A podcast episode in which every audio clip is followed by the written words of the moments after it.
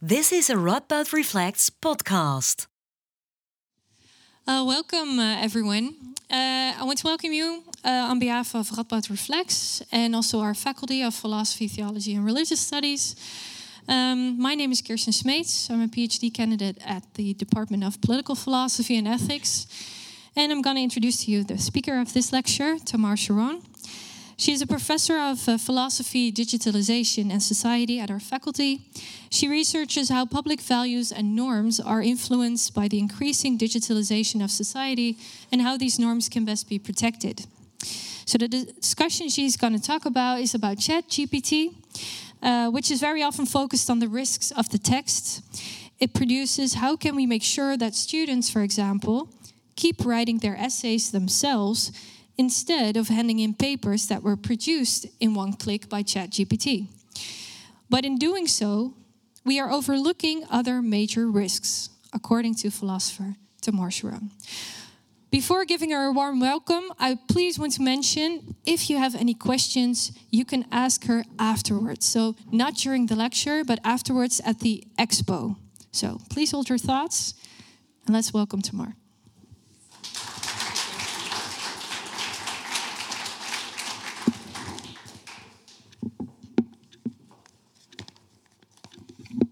Thank you. Thank you, Kirsten. Um, so, unless you've been sticking your head in the sand lately, which might not be a bad approach, seeing what's happening, you have heard about ChatGPT. This is a, uh, an artificial intelligence chatbot, or what's also known as a large language model, developed by a company called OpenAI, uh, which was launched in November 2022.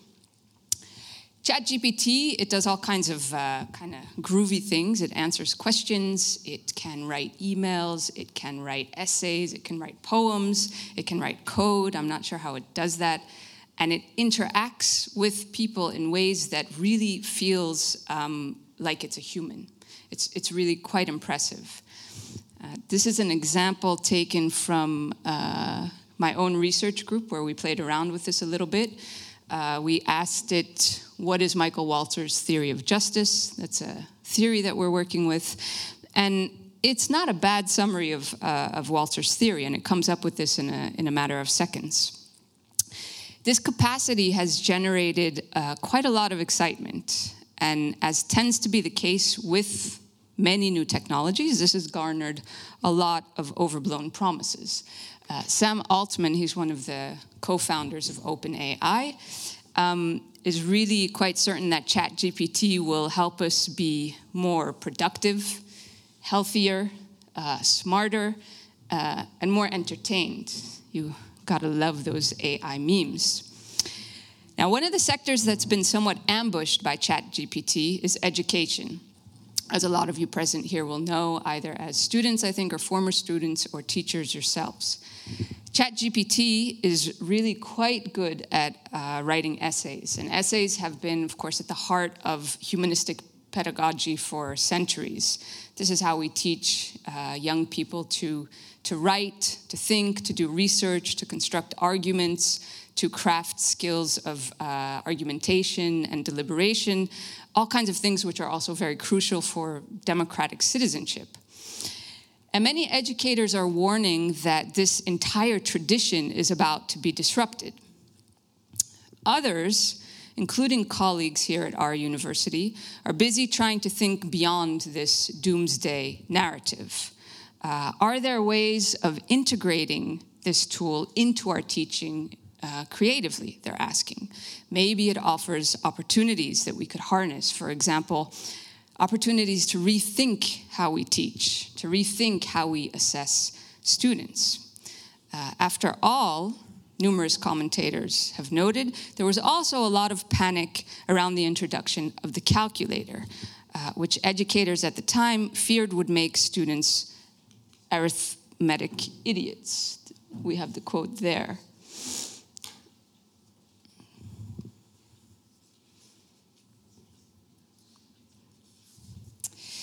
I think this approach is quite reasonable. Yeah? It's never good to panic about a technology. The history of technology really teaches us that hype, framed in terms of uh, overblown promises or scare stories, tends not to play out in reality. But I've also become personally really frustrated with this recurrent analogy to the calculator that ChatGPT is just like a calculator and we shouldn't panic. Because ChatGPT is not like a calculator, and the risks it raises within and beyond education are much broader and much farther reaching than those of calculators. My plea this evening is that we stop talking about calculators because it's averting our attention away from some very big questions about AI and society. So I want to tell you why ChatGPT n'est pas une calculatrice. Um, I also want to give credit to my darling husband for making the accompanying artwork to this slide, which got a bit distorted. I'm sorry, Willem. Okay, so why is ChatGPT not like a calculator? First of all, calculators are not vulnerable to bias um, like ChatGPT and many other AI technologies are. The problems uh, of bias and the discriminatory outcomes that they can lead to are already quite well documented uh, in relation to AI in numerous sectors. Uh, we have information about this in the sector of healthcare, in policing and law enforcement, in um, uh, public administration. Of course, the Toeslagen affair is uh, still very present with us. Now, why does this happen? Automated systems uh, like ChatGPT, they're developed by being fed very, very large amounts of data, data on which they're trained to um, recognize patterns, which they use to teach themselves to be able to give answers which match the data they know with a high probability. So, if we want to develop a system which can uh, detect skin cancer, we train it with lots and lots of data, in this case, images uh, of cancerous skin lesions, and it should be able to recognize at a high probability when a lesion is cancerous or not. The problem is that data sets can and they always will have biases in them. And the systems that are trained on these data sets will always reproduce those biases. In this case, this is a real life example. Um, this eye was trained on data that was made up mostly of images of light skin, which meant that the AI did a better job of recognizing cancer on light skin than on dark skin.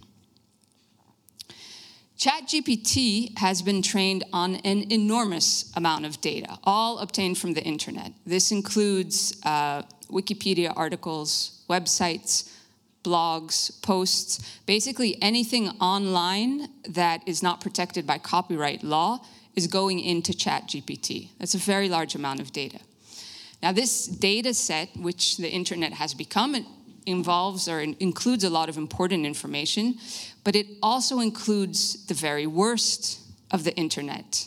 Uh, racist, sexist, homophobic, xenophobic, and otherwise all kinds of inappropriate material, which is all over the internet, as we know, unfortunately, and which such tools learn as well.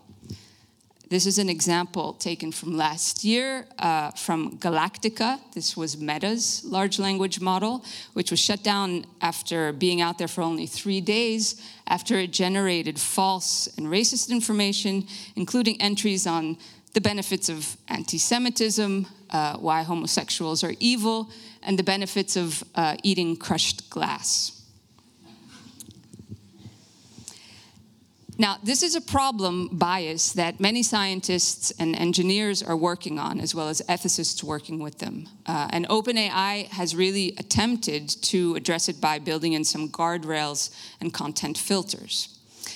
This can help, but it cannot solve the problem because this is really a colossal problem, one that is about, well, um, how representative of human knowledge is the internet. The internet is a corpus of text which is predominantly in English.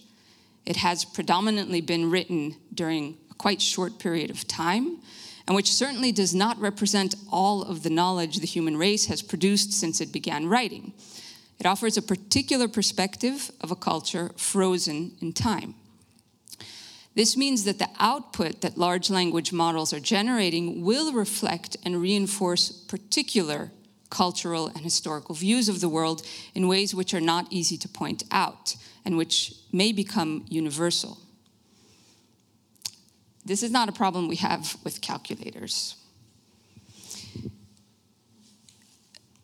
Moreover, I think the business model of the calculator, though I have to admit I haven't done much research on this, but I believe the business model of the calculator is a lot less dubious than the business model uh, behind ChatGPT and behind AI more generally. And that as a, society, and maybe even in particular as a university, we might want to take a closer look at what we're getting into as we use this technology and become uh, increasingly dependent on it. OpenAI did not pay for the data it scraped from the internet. The individuals, website owners, companies uh, that produced this data were not compensated. So if you've ever written a blog post or a product review, there's a chance this information was consumed by ChatGPT. Now, this could be fine in something that we might call a model uh, uh, of a data commons, where public data is available for everyone. And so long as ChatGPT is free to use, but OpenAI has recently announced that it's launching uh, a paid subscription plan, which is expected to raise a revenue of $1 billion by 2024. So there's a general question here about what we might call fair or equitable returns, what the economist Mariana Mazzucato has called paying twice. Um, when AI is trained on public data, which is free to access, but this AI that's been developed on this data is proprietary and is being monetized. Those people who helped create the data set, either the public sector or society at large, are not getting a fair deal. And you don't have to be an economist to see that.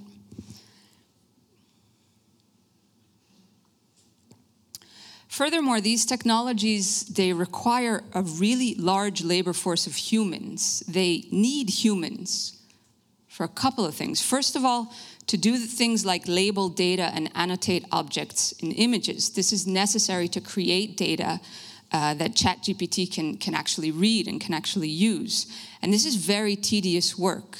Um, I'm sure you've all had to go through these CAPTCHA programs where you check where the zebra crossing is or the traffic light. This is really annoying, tedious work. It's work that needs to be done to make these large language models work. Secondly, these technologies need humans to filter out all of that inappropriate content that finds its way into the tools images of child pornography, mutilation, hate speech, etc., etc. This tedious and traumatizing yet necessary labor is typically outsourced by tech companies to Southeast Asia or Africa uh, to people who are underpaid and working in quite grim conditions. This was uh, found out about ChatGPT too, that they hired Kenyans to do some of this work. We rarely hear about this invisible workforce right? It counters the narrative that Silicon Valley likes to tell of machine learning algorithms that are fully self functional, running on their own like magic, and that will reduce the labor of humans, of course, only of some humans. But this same narrative is reproducing and intensifying unequal labor conditions between the global north and the global south.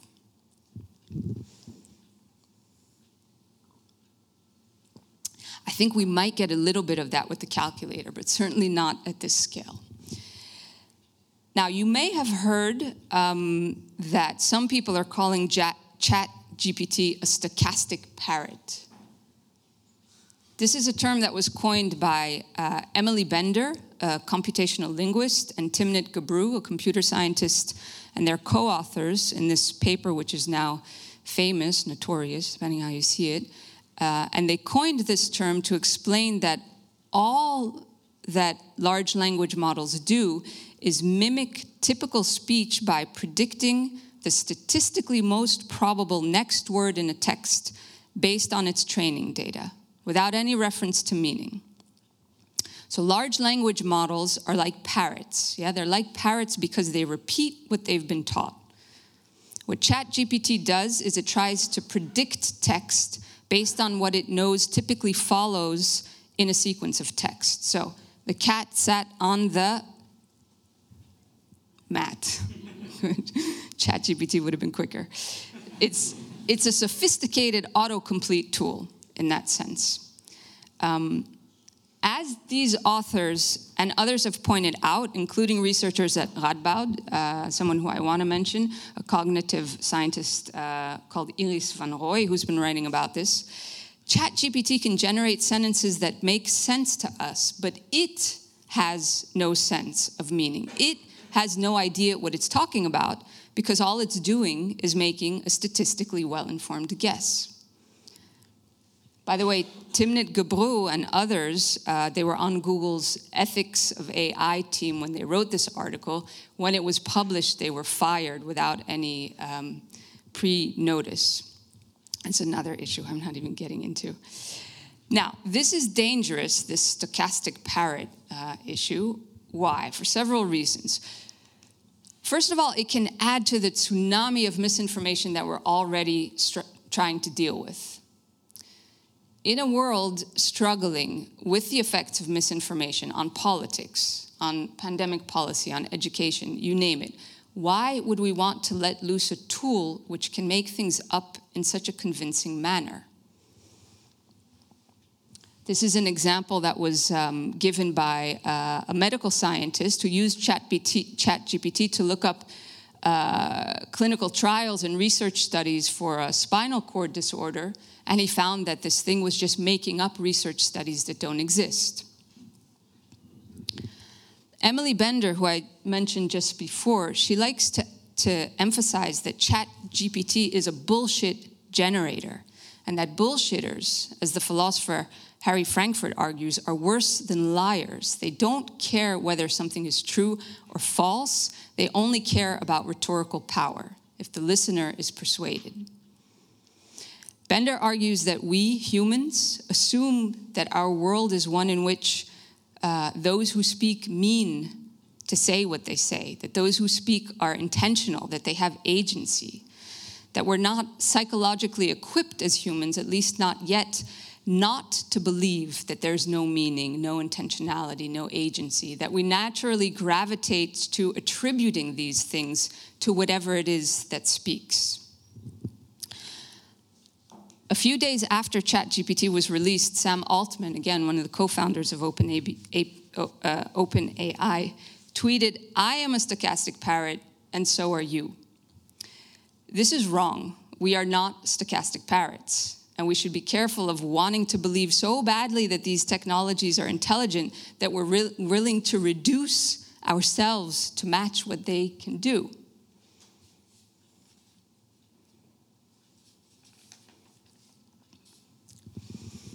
Calculators are not bullshitters. They don't create nonsense, uh, and they don't try, or at least they're not capable, of deceiving us that they're the same as us and that we should trust the bullshit that's coming out of their mouths. They're not biased and prejudiced, uh, and they don't reinforce particular views of the world. They don't involve dubious business models which utilize our labor for training and others' labor in developing countries to keep up with the toxic content they generate. Some of these issues can be improved, and I'm sure they will. AI bots could provide more um, contextually informed feedback. We can do more to detect bias, uh, and they could identify the sources from which they draw their materials. Currently, they don't.